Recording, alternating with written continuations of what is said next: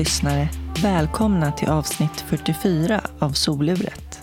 Jag heter Jasmine Nilsson och i Soluret möter jag människor från alla samhällsskikt. Och med varje livshistoria belyses olika ämnen.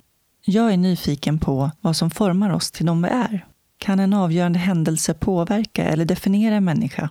Eller är det årsringarna som formar oss? Hur påverkar miljöer och människor oss?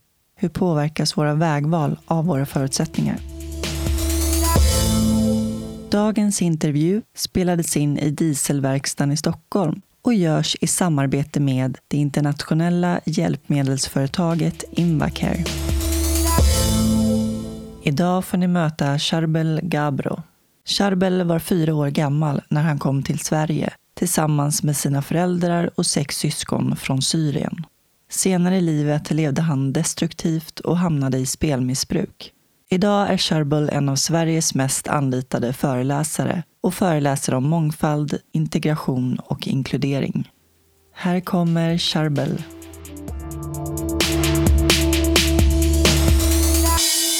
Känns det bra? Ska vi köra? Jättebra. Okej. Det ska bli kul. Välkommen till Soluret, Charbel. Tack så mycket. Hur är läget?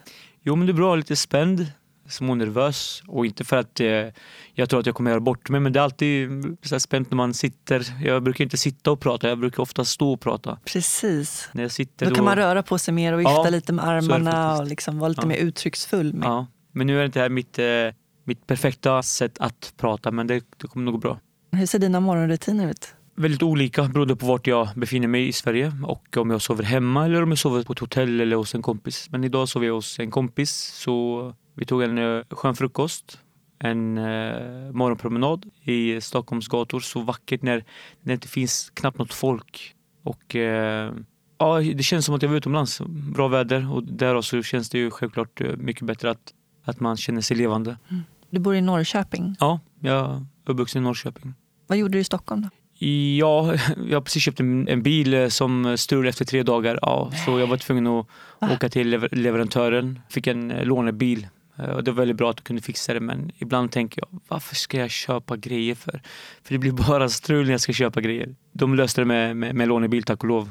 Vad var det för bil? En elbil. Bra. Ja, faktiskt. Ja, miljön och sen alltså i längden blir det ju mycket mer ekonomiskt. Men jag som inte är bästa planeraren får ju styra om hela mitt liv får jag göra. För nu måste jag se exakt var ska jag ladda och, och tänka om jag inte hinner dit. Då får jag kanske vända om eller hitta lösningar. Just det.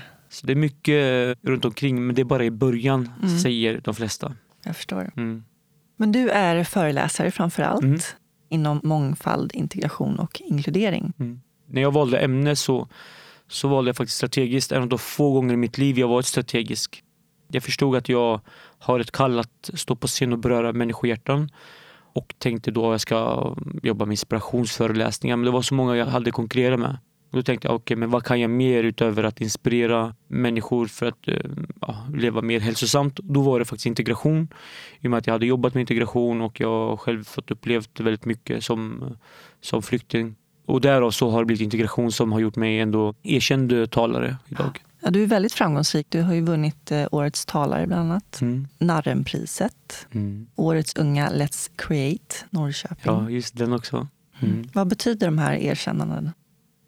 Jag önskar jag kunde säga ingenting, för det är bara ett pris. Men det har ju förändrat min värld på ett sätt. Jag, folk ser mig på ett helt annat sätt. Människor som varit kritiska med mig, människor som har drivit med mig. Eh, alltså kan inte göra det längre för att eh, det finns ett erkännande. Och erkännandet är inte det jag gjorde 2018 eller vad jag har gjort 2019 utan erkännandet är nog för allt jobb jag har gjort under de senaste 14 åren då jag jobbat med människor. Folk ser ju inte det. Folk ser bara sista åren vad man kanske lagt på sociala medier men jag har stått på scen i 14 år, ideellt i 10 år och det har gjort så att jag kan vara i, i den plats jag är i just idag och få vara med i stora sammanhang och bra scener. Mm. Men jag är fortfarande samma Charbel men eh, har helt andra förutsättningar efter, efter priserna. Jag tycker att vi tar det från början. Okej, Du föddes 1982, ja. den eh, 13 september. 13 september är jag inte född egentligen. Jag är född 3 juni i en, eh, en liten stad i nordöstra Syrien där man inte har ett inregningssystem. Okej. Så när jag var 25 år gammal så kom jag hem Och mamma säger grattis. Jag bara, vad snackar du om? Ja, du fyller år. Jag bara, nej mamma, jag fyller år i september. Och jag bara, nej just det, jag glömt säga till dig, du är född i juni faktiskt. Och det, kände, det var jättejobbigt för mig för jag har ju varit eh, jungfru hela mitt liv har jag tänkt. Ja, man identifierar sig ju med det. Så mycket. Mm. Och helt plötsligt var jag en tvilling. Så nu Oj. är jag både och. Ja, precis. Men jag firar 13 september men jag är född 3 juni. Okej. det här är jättemånga människor som kommer till Sverige som har helt andra datum. Och jag menar, då börjar jag ifrågasätta ganska mycket. Okej, är jag född 82? Eh, Vem är jag? Alltså av den lilla grejen börjar så många frågeställningar komma upp. Alltså. Mm. Och det Jag visste ju inte jag att det skulle leda till, till det här. Och roligt att du ens frågar kring, Ja. kring datumet faktiskt. Berätta om platsen du föddes på. kan inte så mycket om den, tyvärr. Vi har ju varit där en gång efter att vi flyttade till Sverige. Men eh, staden heter Melkie, eller Derik. Som eh, är en, ja, jag vet inte, kanske bor typ 150 000 invånare. Bondesamhälle. Hela min släkt bor där. Man bor i en och samma stad eller by. Och eh, det området har inte blivit drabbat så mycket av eh, kriget utan det är kurddominerat. Så eh, då har eh, kurderna skyddat området, ja, styr området. Och där så har inte IS kommit dit. Så alla mina kusiner som flydde därifrån klarade sig från krig och så. Men det är klart det finns en jättekärlek till mitt födelseland och till den platsen. Jag är född i hemmet. Hur är familjekonstellationen? Jag har sex syskon och två föräldrar. Jag har 300-400 kusiner runt omkring i Sverige.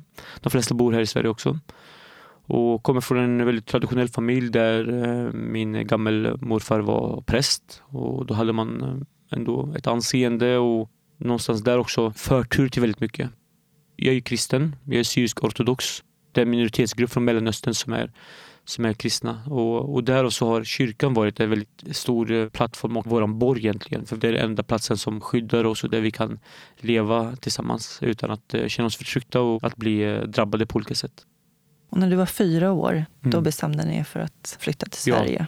Och anledningen till varför det blev Sverige har att med att min morbror bodde här. Han kom hit 82 kanske någonting.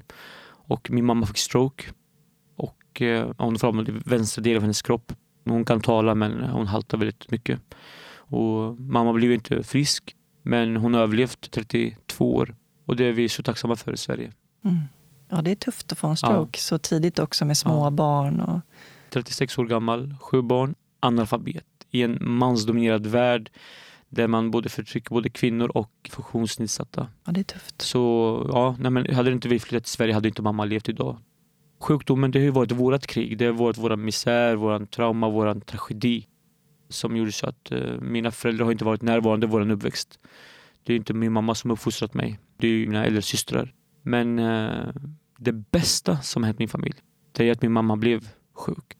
Vi blev tvingade att komma till Sverige. Vi var unga och har eh, uppfostrat oss syskon eh, på ett sätt att eh, alla vi jobbar ju med, med människor på olika sätt. Hemmet, den största skolan absolut. Men att, eh, med att få ta hand om sin egen mamma även som, som litet barn gör så mycket. Det är absolut inte av slumpen att, eh, att jag är engagerad i de här frågorna eller att mina syskon är det. Vårt varför handlar egentligen om mammas sjukdom och den svårighet men också det vi barn fick vara med om. För eh, det fanns ingen förståelse vare sig för funktionsvariation eller för invandrare när vi kom till Sverige. Din pappa, hur axlade han det här? Jag har aldrig frågat honom men jag kan tänka mig att det tog honom väldigt hårt. Pappa hamnade i ett spelberoende i Syrien. Han har jobbat inom militären och då har man väldigt stor makt och haft mycket pengar. Vi var väldigt rika i Syrien. Men i och med den tragedin så hamnade han i en svacka och han spelade bort eh, allting vi hade. Både guld, pengar, eller hus och alla möjliga rikedomar. Men eh, idag har han ju verkligen gjort rätt för sig. Han har stått där vid mammas sida och eh, varit lojal trots att det har varit väldigt kaotiskt under många delar av vår uppväxt. Och, mm, han har nog inte fått det utrymmet en man eller människa behöver i och med att allting handlat om min mamma och hennes sjukdom. Eh, men eh, som man, ja, jag vill lätt bli som min pappa, det kan jag säga. Att vara lojal, att vara där, att stötta upp och han fixar ju allting till mig.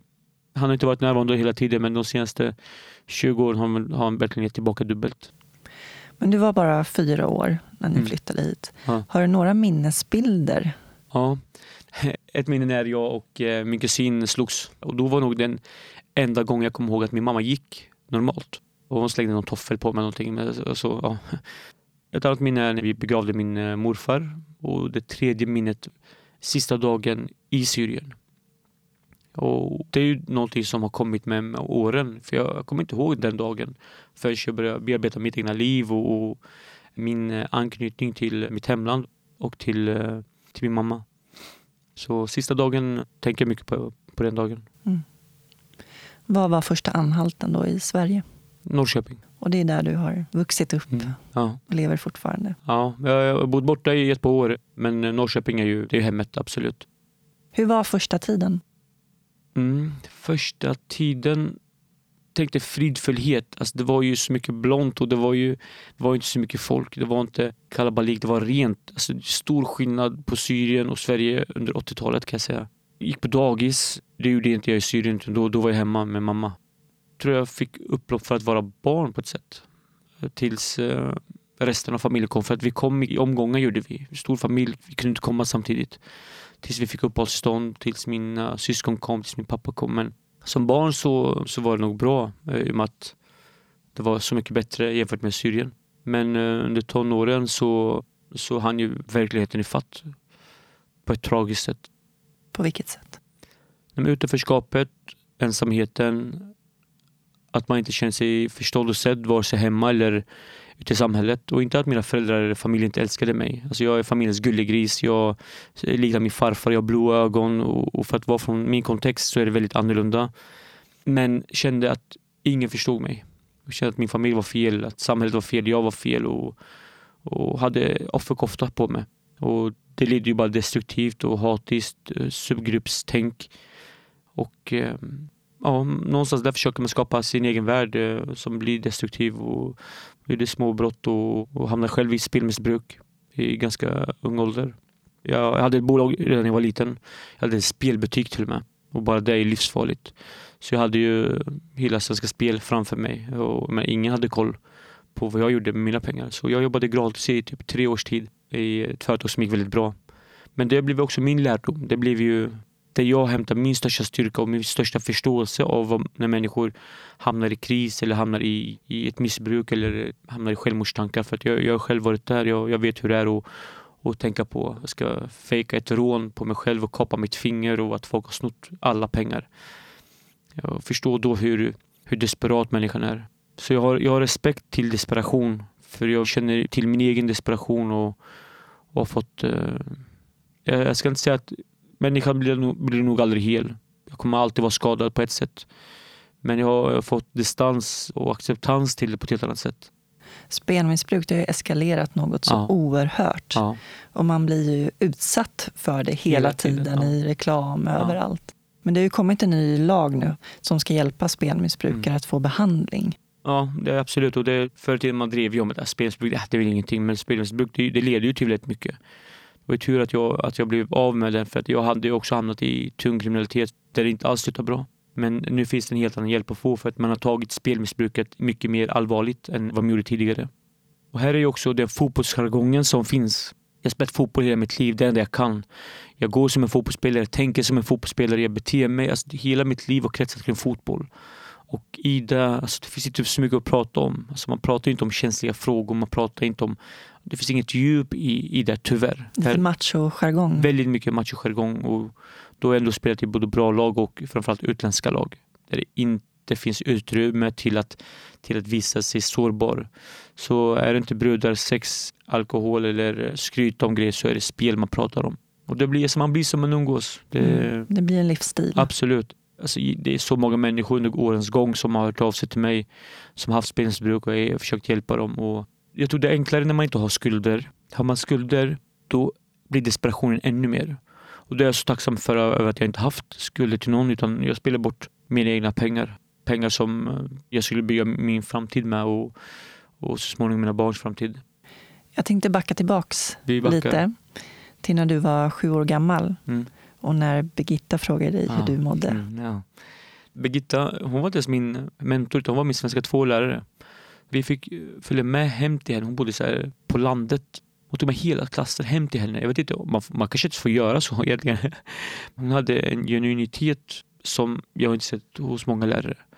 Och eh, en av dagarna så frågade hon mig om, om jag var hungrig, om jag ville knäcka mackor. Och symboliskt sett betyder det ingenting. Alltså en frukost, alltså det spelar ingen roll. Men, men gesten en annan människa gjorde, det påverkade mig. Och Det har också ätit fast i mig och jag pratar ju om Birgitta på alla mina föreläsningar. Hon är ju min röda tråd. Jag pratar ju om att hur kan du vara en Birgitta för en annan människa? Och Birgitta som, hon kanske inte ens kommer ihåg mig Birgitta. Alltså jag vet inte om hon vet att jag finns. Hon vet inte nog att jag pratar om henne. Jag vet inte om hon lever idag. Men att eh, någonting litet kan betyda så mycket.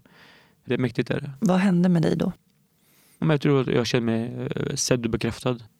Det var inte min hunger hon mättade egentligen utan det var min ensamhet och min sårbarhet och som att hon förstod mig. Hon såg bortom fasader, bortom smilet som Charbel hade, bortom att eh, jag var ett litet barn. Och ibland tänker jag tillbaka till mycket kring alltså hur såg mina lärare och mina, våra grannar på oss? För det var ju kalabalik hemma hos oss. Det var inte att jag hade ett eget rum eller någonting. Jag fick ju dela säng med min bror tills han var 13 år. Och eh, under oss, då, där bodde min farfar Jakob 100 år. Det är ingen normal eh, uppväxt man haft. Som idag är min största styrka. Det finns ingen offerkofta i det här men, men jag tänker tillbaka till när jag hade SOS vetat om det här. De hade ju tagit alla oss barn för länge, länge sedan egentligen. För ni hade det väldigt dåligt ställt. Ja, och inte att, alltså mina föräldrar levde på SOS och mamma varit sjukskriven men vi har haft så många människor boende hemma hos oss. Vi har hjälpt så många människor fly till Sverige.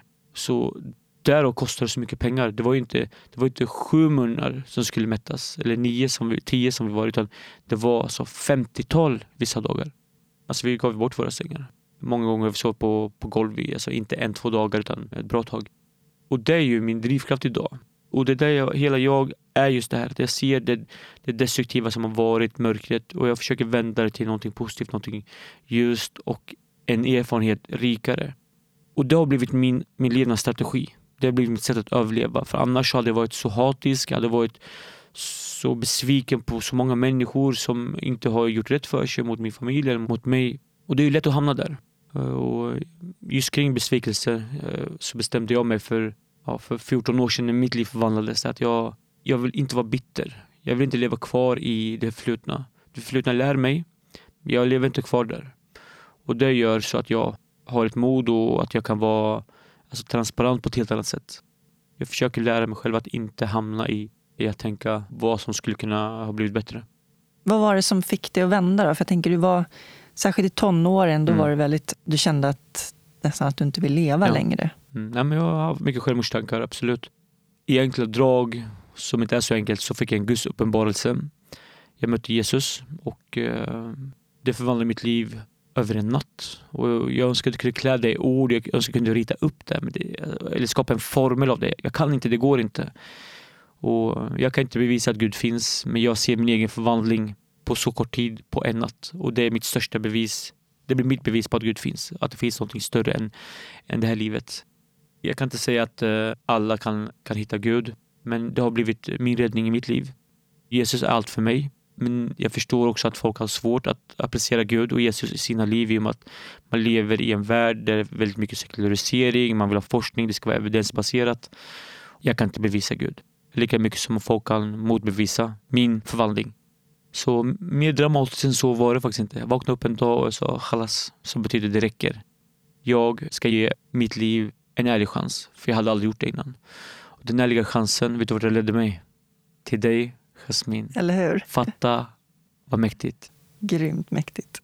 14 år sedan. Ja. Men hur gick det i skolan då? Gick du ut gymnasiet? Mina föräldrar förstod inte ens att eh, jag var så dålig i skolan. Och har jag med att jag levde destruktivt. Jag kände mig som en nolla. Kände att eh, jag inte kunde bli något stort. Och det här kommer också pressen hemifrån. Att antingen skulle jag bli läkare eller skulle jag inte bli någonting. Det var antingen eller, ingenting mittemellan. Och det här är också någonting jag önskar mina föräldrar, inte pressa oss barn att eh, låta oss få välja. Men eh, mamma har varit väldigt, väldigt drivande. Och jag förstår henne. Hon har inte haft förutsättningar att plugga eller leva fritt liv. Absolut inte. Och det här behöver nog många invandrarföräldrar tänka mycket på. Sluta pressa barnen. För till slut, det funkar inte. hade jag varit bra i skolan, då hade jag blivit läkare. Eller hade jag velat det tillräckligt. Men i och med att inte jag ville det, det blir en kamp. Och inte bara mot familjen utan mot mig själv. Jag tänker att det gäller många minoritetsgrupper att eh, visa för omvärlden att man är bra eller mycket bättre Ja. än alla andra. Mm. Därför att som minoritet så har man blivit förtryckt och liksom man måste kämpa sig fram för att visa Mm. att man duger, att man räcker till, att man är bättre än alla andra. Absolut. Ja, men, och då, det har inte med nationalitet att göra heller, utan alltså, det kan ha göra med din funktionsvariation också. Och återigen, jag tror en överlevnadsstrategi igen. För att eh, man vill kompensera det med någonting annat av det man saknar. Så nej, skolan var inte bra. Men däremot så har jag tagit mig in på andra sätt. Jag har ändå pluggat på universitet. Jag har pluggat teologi i två år. Så jag har pluggat till behandlingspedagog. Det lärde mig framförallt att lära känna mig själv och på så sätt också kunna jobba med människor mycket, mycket bättre. Sen fullföljde inte jag min teologiska utbildning. Tanken var att jag skulle bli pastor egentligen. Men eh, däremot så ledde det till att jag blev eh, bekant med scenen på ett helt annat sätt. Så det är jag också väldigt tacksam över. Att jag, alltså, min bana har inte varit klockren. Jag har inte vetat exakt vad jag ska jobba med. Däremot har jag vetat att det är människor och människohjärtan jag ska beröra. Om det är sittandes, liggandes, ståendes, det spelar ingen roll för mig. Har du alltid haft lätt att prata inför folk? Nej, absolut inte. En av mina kompisar påminner mig här om veckan. Han bara “Shabel, kommer du ihåg när vi hade redovisning i skolan?” Han bara “Du blev en tomat och du kollade ner hela tiden och ingen fattade någonting av det du sa”. Och jag bara, jag kommer faktiskt ihåg, han bara “Men vad häftigt att se din resa”. Nej, jag har inte varit bra på att prata och inte framför folk. Däremot har jag alltid pratat. För att jag har varit eh, väldigt kort som liten och återigen, mitt sätt att kompensera min, min längd har ju varit att jag har haft en lång tunga och det får jag nytta av idag. Mm. Tror du att du också haft den mentaliteten att du liksom har känt dig tvungen att bli framgångsrik för att kunna ta plats i samhället och visa vem du är? Med tanke på pressen från dina föräldrar Mm. så har du liksom också haft lite den inställningen. Jag tror inte det. För jag har aldrig, det här har inte varit en dröm. Alltså jag har aldrig tänkt att jag skulle jobba med det här. Utan min drivkraft har varit att göra skyddade människoliv och möta sådana som jag själv. Sårbara människor. För då blir jag Charbel hel. Det har varit hela mitt varför och mitt kall. Sen att det har lett till en framgång, det, det är jag bara så tacksam över. Men eh, enda framgångstänket jag hade är min fotboll. Jag vill bli fotbollsproffs. Jag blev inte det, men däremot den kämpaglöden. För jag var tvungen att vara dubbelt så bättre än mina svenska kompisar. För att ens komma med. Inte för att få spela, utan för att få komma med. Och jag har förträngt så mycket av min fotbollskarriär. Men eh, när jag började bearbeta mitt liv igen så har jag sett hur mycket... Jag, ska inte, jag vill inte säga rasism. För att jag tänker att rasism finns inte förutom avsaknad av kärlek och förståelse. Det är därför rasism finns, för att det finns den avsaknad av någonting. Då är det kärlek och förståelse. Så jag ska inte säga att jag fick utstå rasism, men däremot så mycket fördomar, så mycket utanförskap i fotbollen, trots att jag var grym i fotboll. Hur långt kom du? Förlåt, i Nej, jag spelade division 2 som högst och tränade fem, sex gånger i veckan. Men eh, jag hade inte mentaliteten till det. Jag skadade mitt knä också, men du måste vara bättre mentalt stark än att vara en talangfull spelare. Talangen var inget fel på, däremot den mentala biten, fanns ingen stöttning, fanns ingen som kunde, jag kunde rådfråga. Men jag fick inte de förutsättningar som, som andra fick. På vilket sätt yttrade sig de här fördomarna? Nej men att eh, en klockren grej var att vi spelade DM-final och eh, då var det vår bortadress vi skulle ha och det hade vi hemma. Så jag kom dit med min eh, röda dress. Då spelade jag IFK Norrköping gjorde jag. En av eh, stjärnspelarna hade inte med sig sin dress. Vems shorts tror du de tog? Tysta Kärbel. Vi vann finalen, jag fick inte spela någonting. De tog en bild. Tror inte du att bilden syns på idrottsparken vi vinner, jag är den enda som har blåa byxor, alla andra har röda shorts. Och nu pratar jag om en, alltså vi pratar om ett klädesplagg. Men så tydligt blev det. Och då tänker jag, det är mig det är fel på. Och för att människan kritiserar alltid sig själv. Oavsett vad som händer, när det händer gång på gång på gång. Alltså jag kritiserar inte tränaren eller ifrågasätter att de är svenskar. Jag vill ju inte tänka så. Men nu när jag ser det i efterhand, alltså, klart och tydligt. Och det har lärt mig att det räcker inte med att jag blir årets talare genom brott. Jag ska bli bäst i allting jag ska göra. Och det kommer återigen pressen från min mamma. Idag kan jag hantera det på ett sätt som gör så att jag kan bli bra. Alltså, vem är jag att vinna priser egentligen? Jag är, ingen, jag är inte bra på retoriker och jag har inget bra, inget speciellt material. Men däremot så har jag hittat en formel som gör så att när jag gör någonting, då gör jag det med hela mitt hjärta. Och då berörs människohjärtan och då spelar det ingen roll retorik, det spelar ingen roll hur det är paketerat, det spelar ingen roll någonting. när du berör en människa. Jag kunde inte beröra människor med fotbollen men, eh, men jag hittat en annan plan och det är min scen. Och där får jag skina ordentligt. Mm. Och jag älskar att skina men jag skiner inte ego utan jag, jag försöker också inkludera människor. Bjuder med folk som föreläser med mig eller tar upp människor på scenen så det inte bara ska handla om mig. Och mycket utifrån att jag själv blivit sidosatt på en annan scen.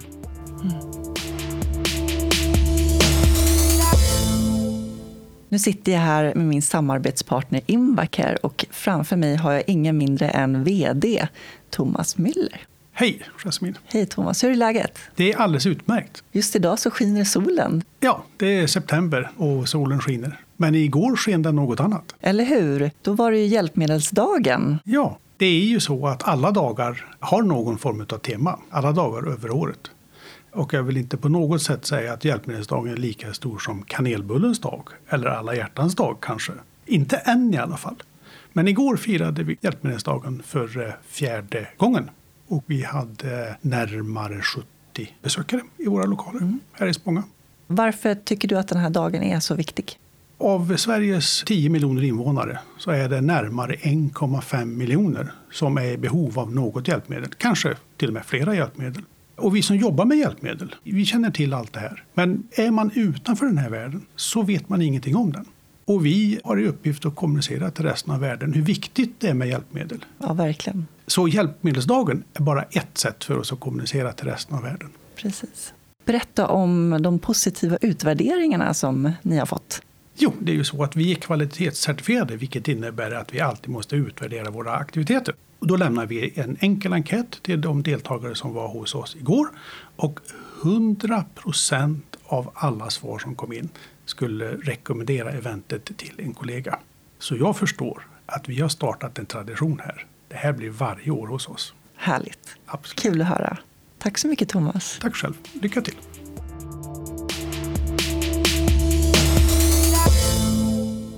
Hur upplevde du integreringen i Sverige? Jag vet inte. Jag man pratade inte om integration på det sättet. Utan jag hängde bara med, med människor som såg ut som jag. Och vi blev en subgrupp och eh, vi var ju tuffa gänget så, så jag behövde inte integreras i och med att jag hade min, min, min klick av människor. Alltså man skapar nog sitt sätt att leva utifrån de förutsättningar som finns. Och i skolan fanns det ingen rasism på det sättet. Vi fick inte utstå det för att folk var ju för rädda för oss. Det var vi som utsatte folk istället. Det, det var helt tvärtom. Det var inne var, var blatte. Var det en kommunalskola? Ja, en kommunal skola där Mm. hälften av gänget var lite utanför stan. Där föräldrarna är jätterika och vi andra var från stan. Helt tvärtom. Och jag är jätte- jättetacksam idag för alltså, många av dem är mina vänner idag. Och jag fick ändå uppleva svenskheten och det är jag tacksam över. Så vad tänker du om det idag? Det var ju ändå uppdelat. Mm. Det var ju segregerat. Hur tänker du att man på bästa sätt kan försöka skapa en integration? Alltså, om vi pratar skolan så tänker jag att man inte borde välja vart man ska gå skola. För det skapar total segregation och eh, till slut så kommer ju alltså, många skolor läggas ner för att ingen väljer att gå där i och med att det är skitskola. Vart människor bor är svårt att påverka för det har att göra med den ekonomiska förutsättningen. Det är en klassfråga. Ja, det är en klassfråga och tyvärr, pengen styr mer än vad vi vill och, och mer än vad vi tror. Däremot för att integreras tänker jag att föräldrar måste komma in. När föräldrar kommer in så kommer de kunna uppfostra sina barn på ett svenskt sätt. Inte bara på ett arabiskt, somaliskt, afghanskt sätt. Och det gör man inte genom att bo granne med någon. Det gör man när man blir kollega med någon för då är man tvungen till att prata. Vi är inte tvungna att prata som grannar jag och du. Men som kollegor, vi jobbar med samma sak. Jag ser hur du beter dig, jag ser svenskheten, jag ser skillnaden. Då någonstans, alltså, vi blir som när vi umgås igen. När jag får med mig svensk erfarenhet, då kommer jag per automatik dela med mig den också. Man pratar på ett helt annat sätt hemma. Man möter barnens behov på ett helt annat sätt. Och man blir också, alltså man tar del av svenska systemet och tänker på skyldigheterna, inte bara på rättigheterna som många nyanlända är bra på att tänka. Och det har att göra med att i våra länder det fanns inga rättigheter, bara skyldigheter. Vi kommer till Sverige och får vi tycka och tänka och vi får saker och ting. Och då är det lätt att man glömmer bort skyldigheterna också. Jag känner mig verkligen som att jag är en del av Sverige. Och inte bara en del av Sverige utan jag har sådana förmåner från att vara flerspråkig och mångkulturell och där kan jag förstå så många olika människor, inte bara invandrare eller syrianer utan jag jag förstår också svenskar tillräckligt bra att jag kan åka till eh, Malung och vara med på en eh, dansbandsfestival. Nog ja, jag såg det. Ja, du såg det va? Nog den första invandraren som åker dit utan att jobba som servitris eller någonting, men att vara med på Dansbandsgalan och, och träffa Babsan och få möta människor på ett helt annat sätt. Och utan att jag, jo, jag tänkte på det i början faktiskt. Det känns jättefel för att jag, jag stod där och tänkte hur gör man här? Jag vet inte hur man beter sig. Jag fattar ingenting. Tills ett par kvinnor kom fram och pratade med mig. Och det har ju återigen att göra med att jag utsätter mig för att möta det okända. För det var det mest okända jag fått vara med om. Det, det, är det mest extrema jag gjort i mitt liv. Och ja, folk tittade. Och det är inte alltid jag tänker att ah, folk tittar för att jag är snygg eller för, för jag, jag tänker att folk tittar för att jag har eh, mörkt hår och för att jag ser ut som jag gör. Jag vet inte om de tänker shit vad snygg han är eller fy vad ful han är. Jag vet inte vad de tänker. Men de tittar i alla fall. Men eh, man tror alltid det värsta, tyvärr. Men det behöver inte vara så. så det fick jag motbevisat när fyra kvinnor kom fram och de bara, vad, alltså, vad gör du här? Vem är du?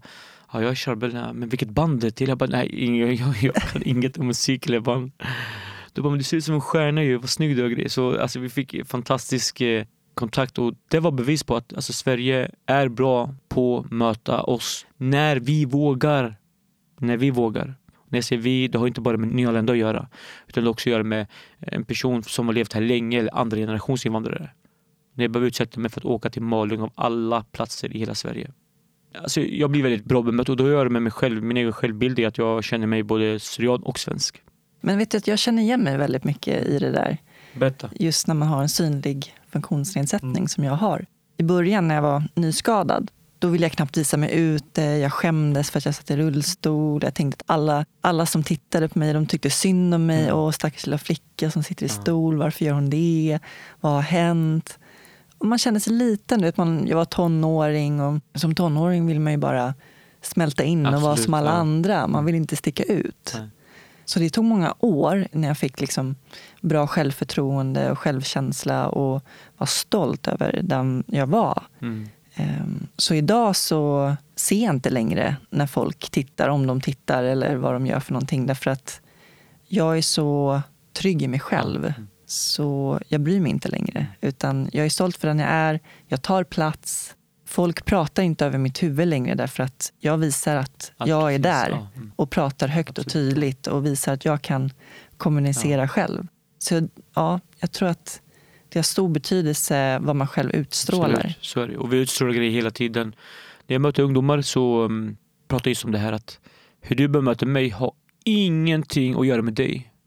Det har bara att göra med mig själv hur mycket jag vågar stå för mig själv, hur stolt jag vågar vara oavsett hur jag ser ut, hur skadad jag är, hur trasig docka jag är.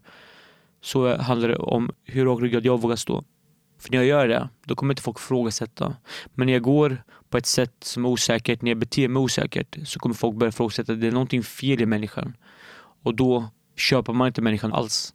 Och det här är någonting jag jobbar med ständigt än idag. För min självbild, nej, det är inte den bästa. För att det kanske finns grejer fortfarande som man kanske bearbetat och det tror jag vi människor alltid kommer att bära med oss. Vår, vår sårbarhet och jag är tacksam över den sårbarheten.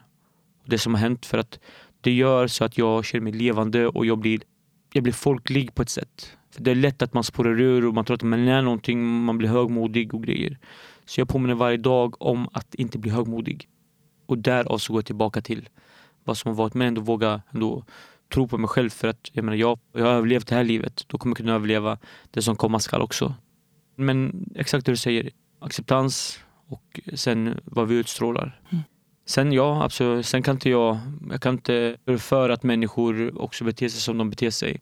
Jag hörde Jonas Gardells eh, sommarprat där en vän sa till honom eh, du kan inte rå för att människor runt omkring är helt dumma i huvudet. Eller ja, någonting. just det. Jag hörde det också. Ja, du gjorde det. Och jag bara, så sant. Men jag bara ja. tänkte också, men men jag kanske är den som är dum i huvudet ibland i, någon annans värld. Och så är det ju. Det är inte alltid vi är perfekta och bra. Men att acceptera att alltså, det finns idioter runt omkring, vad nu en idiot är. Men jag försöker inte tänka på, på alltså, negation och, och fastna i saker och ting. Men det är klart jag blir ledsen när någon tittar på mig på ett nedvärderande sätt. Och då, vad vet du vad jag gör? Jag, jag kollar in i människans ögon och säger, ja, ursäkta, var det något? Direkt. Och då, nej, nej, det var, jag bara, okej, okay, men, men det är kul att vi fick eh, titta på varandra i alla fall. Och ibland behöver man vara lite jobbig mot människor. Och jag säger om mig själv, jag är en ångestframkallande människa. Ibland behöver människor väckas. Och jag är en person som säger ofta ett, ett hej kan ditt ett liv. om inte ditt som människan som går förbi dig, så våga säga hej. För du vet inte vem som finns, vem som kommer, vad människan bär med sig. Och det här påminde min brorsa mig om häromdagen. Min bror, han heter Tony, han, eh, han har cancer eh, och eh, är väldigt sjuk. Så ja, väldigt tung period trots att jag får leva jätteframgång. Men han är ganska humoristisk också och väldigt provokativ mot mig. Det är så, syskon. Han sa till mig, han bara, han bara bror du brukar ju säga att hejkare är ett liv. Jag bara, ja, vad ska han säga nu typ? Han bara, för jag hörde en, en sjuk story. Det handlade om en sjuksköterska som alltid sa hej till vakterna när hon gick in. Och sa hej då varje gång hon gick därifrån. Jag bara okej. Okay. Och så fortsätter han säga, men en dag så blev hon låst in i ett kylrum eller frysrum och det var väldigt farligt, hon kunde dö. Och precis när vakten skulle lämna sin arbetsplats så kände de att det är någonting som är fel idag. Det är något som inte har hänt och då började de diskutera och så kom de på. Kvinnan har inte sagt hej då. De började leta hela sjukhuset efter henne och till slut så hittar de henne. Varför? Jo, för att hon har sagt hej och hej då så många gånger att det räddar hennes liv. Och det är helt gratis. Och det är här jag tänker. Är det så, verkligen så svårt att vara vänlig och god mot människor? Kostar ingenting. Framförallt inte av energi, tvärtom. När jag gör dig glad så blir jag glad. Men när jag gör dig irriterad, ledsen, förbannad, när jag beter mig dåligt mot dig, då påverkar jag mig själv.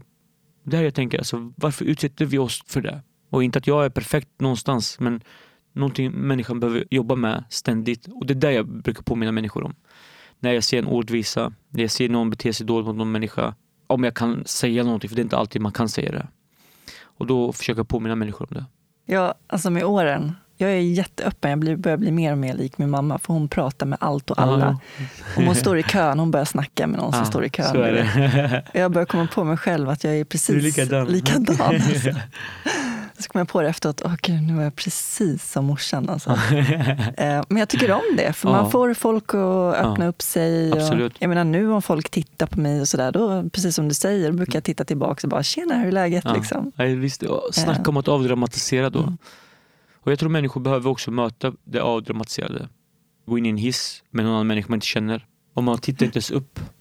Tittar i mobilen. Ja, och då säger jag bara, nu kommer det bli en jobbig resa för dig och mig. Och allt släpper bara. Det blir jobbigt. Alltså det, även för mig blir det jobbigt. Och bara skoja till grejer och inte ta saker så allvarligt. Jag brukar säga allt är på skoj. Allt är på skoj. Livet är på skoj också. För vi har inte kontroll över någonting. Vi vet inte vad som komma skall. Vi vet inte vad som händer imorgon eller efter det här avsnittet. Inte en aning. Därför tror jag man behöver tänka mer som ett barn och ta lättsamt kring saker och ting. Inte skoja om människor. Men alltså ta livet mer på skoj för att det är då man kan också frigöra så mycket, alla måsten och Negativitet också. Negativitet, absolut.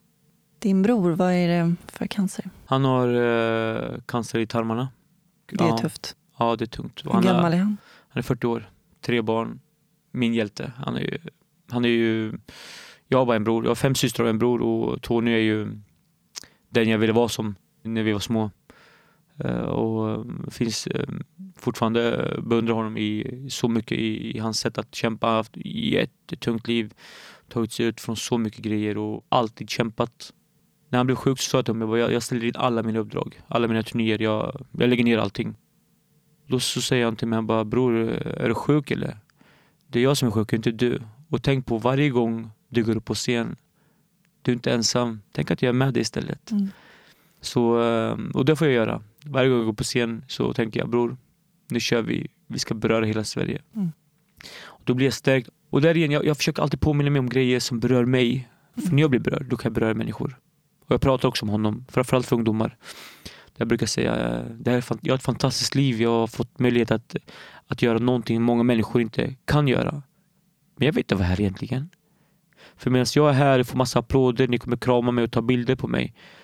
Så ligger min hjälte där i en säng och vet inte vad, vart livet ska ta honom. Eh, men eh, jag är här för att vi gör det tillsammans.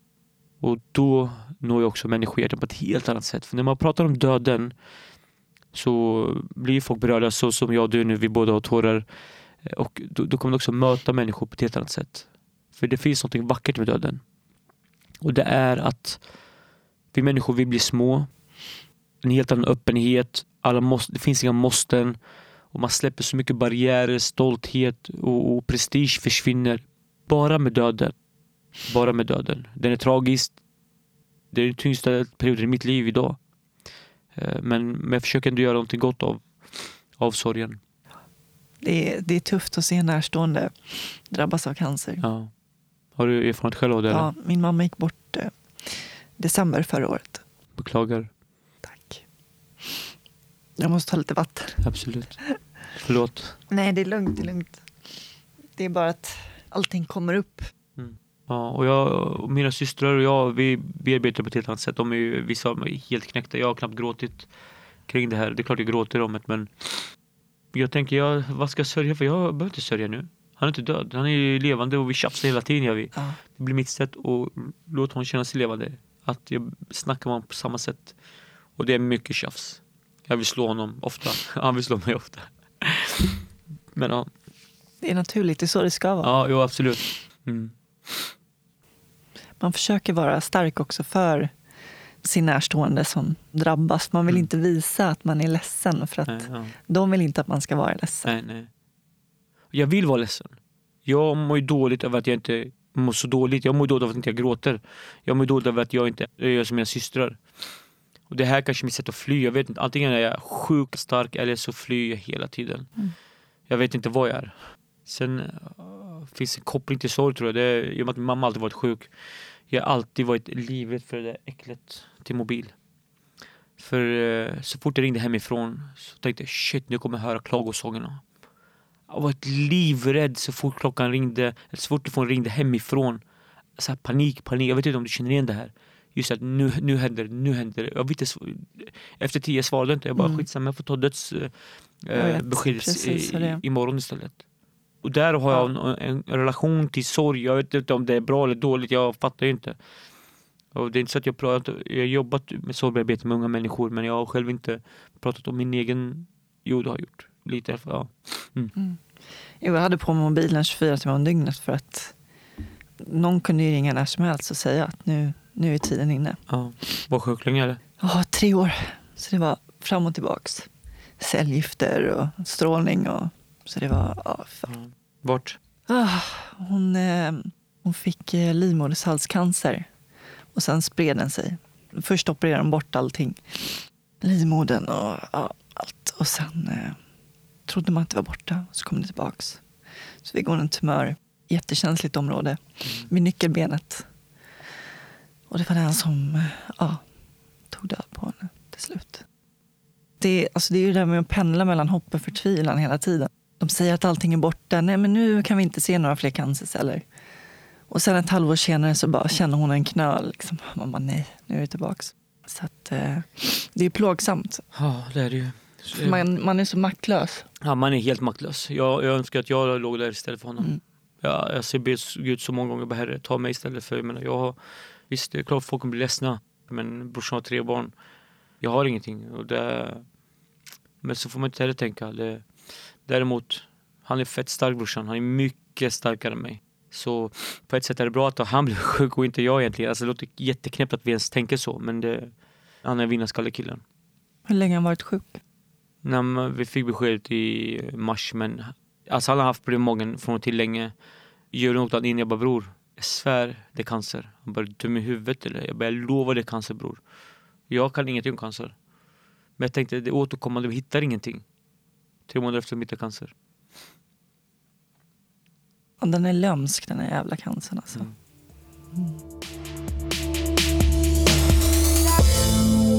Jag tänkte komma till mina standardfrågor. Mhm. Vad innebär det för dig att vara människa? Att vara ärlig mot sig själv och vara god mot, eh, mot människor. Jag älskar ordet god alltså. Värlig och god, det tänker jag. Vad betyder frihet för dig? Att jag kan få upplopp för mina tankar och känslor. Kanske svårt att leva totalt fritt men att jag får få upplopp för mina tankar och känslor och våga uttrycka mig. Eh, Det, det, det tänker jag är frihet. Och inte vara rädd för grejer. Alltså. Nu tänkte jag fråga, när grät du senast? Men det vet Ja. vi ju redan. Jag grät senast för några minuter sedan. Mm. och jag har väldigt lätt att, att få tårar. Framförallt lyckotårar. Jag kan se två äldre personer gå, hålla hand i hand jag gråter direkt. Film, jag första biosalongen och gråta. Ja, folk tycker jag är så konstig alltså. De fatt, folk fattar ingenting. Jag kan gråta, folk gråter. Men eh, i tuffa tider, då gråter jag inte. Tyvärr. Jag önskar jag kunde göra det. Det är väl någon sån överlevnadsmekanism. Ja, det, det är nog det. Vad gör dig arg? Orättvisor. När jag känner mig förtryckt. När jag känner mig förbisedd.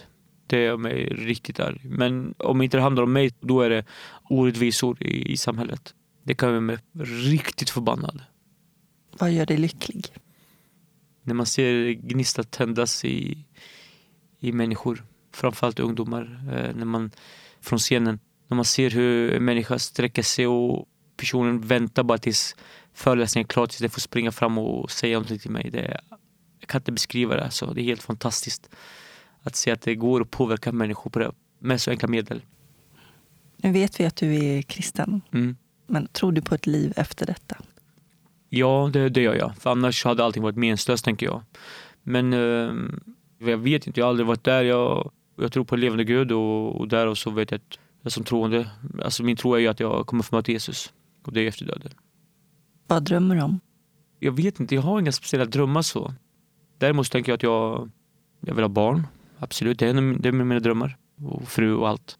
Jag vet inte, jag har inga speciella drömmar. Alltså jag önskar att jag hade det. Jag blir, jag blir avvis folk som har värsta drömmarna. Alltså. Men barn är fall en av mina drömmar. Absolut. Jag har några snabba frågor, antingen eller frågor också. Okej. Kaffe eller te? Det. Bok eller film?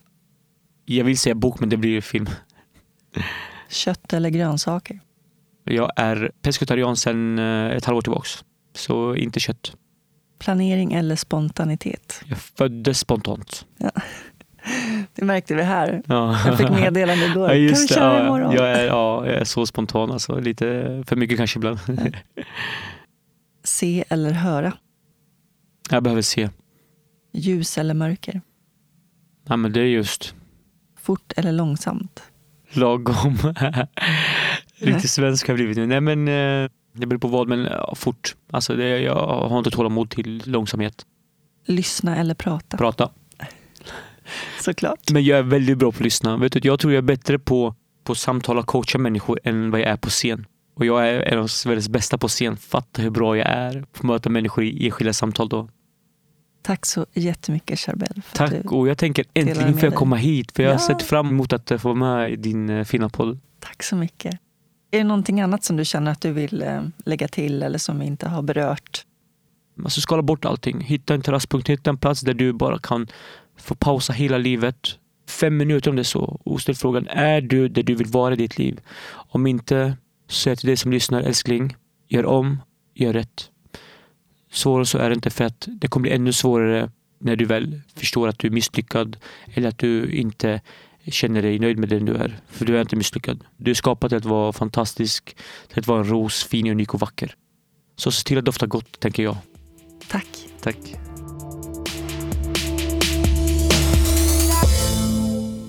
Om ni vill boka en föreläsare som verkligen talar från hjärtat, då ska ni boka Charbel.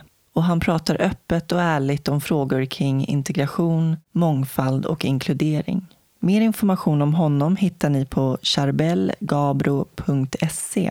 Ni kan också följa honom på sociala medier som Facebook och Instagram. Tack till min huvudsamarbetspartner Invacare. Mer information om Invacare och deras produkter hittar ni på invacare.se. Om ni vill höra min livshistoria så kommer den ut på Storytel i slutet av oktober. Håll utkik efter När livet störtdök som handlar om när jag som 15-åring bröt nacken i en dykolycka. Mer information om mig hittar ni på jasminnilsson.se.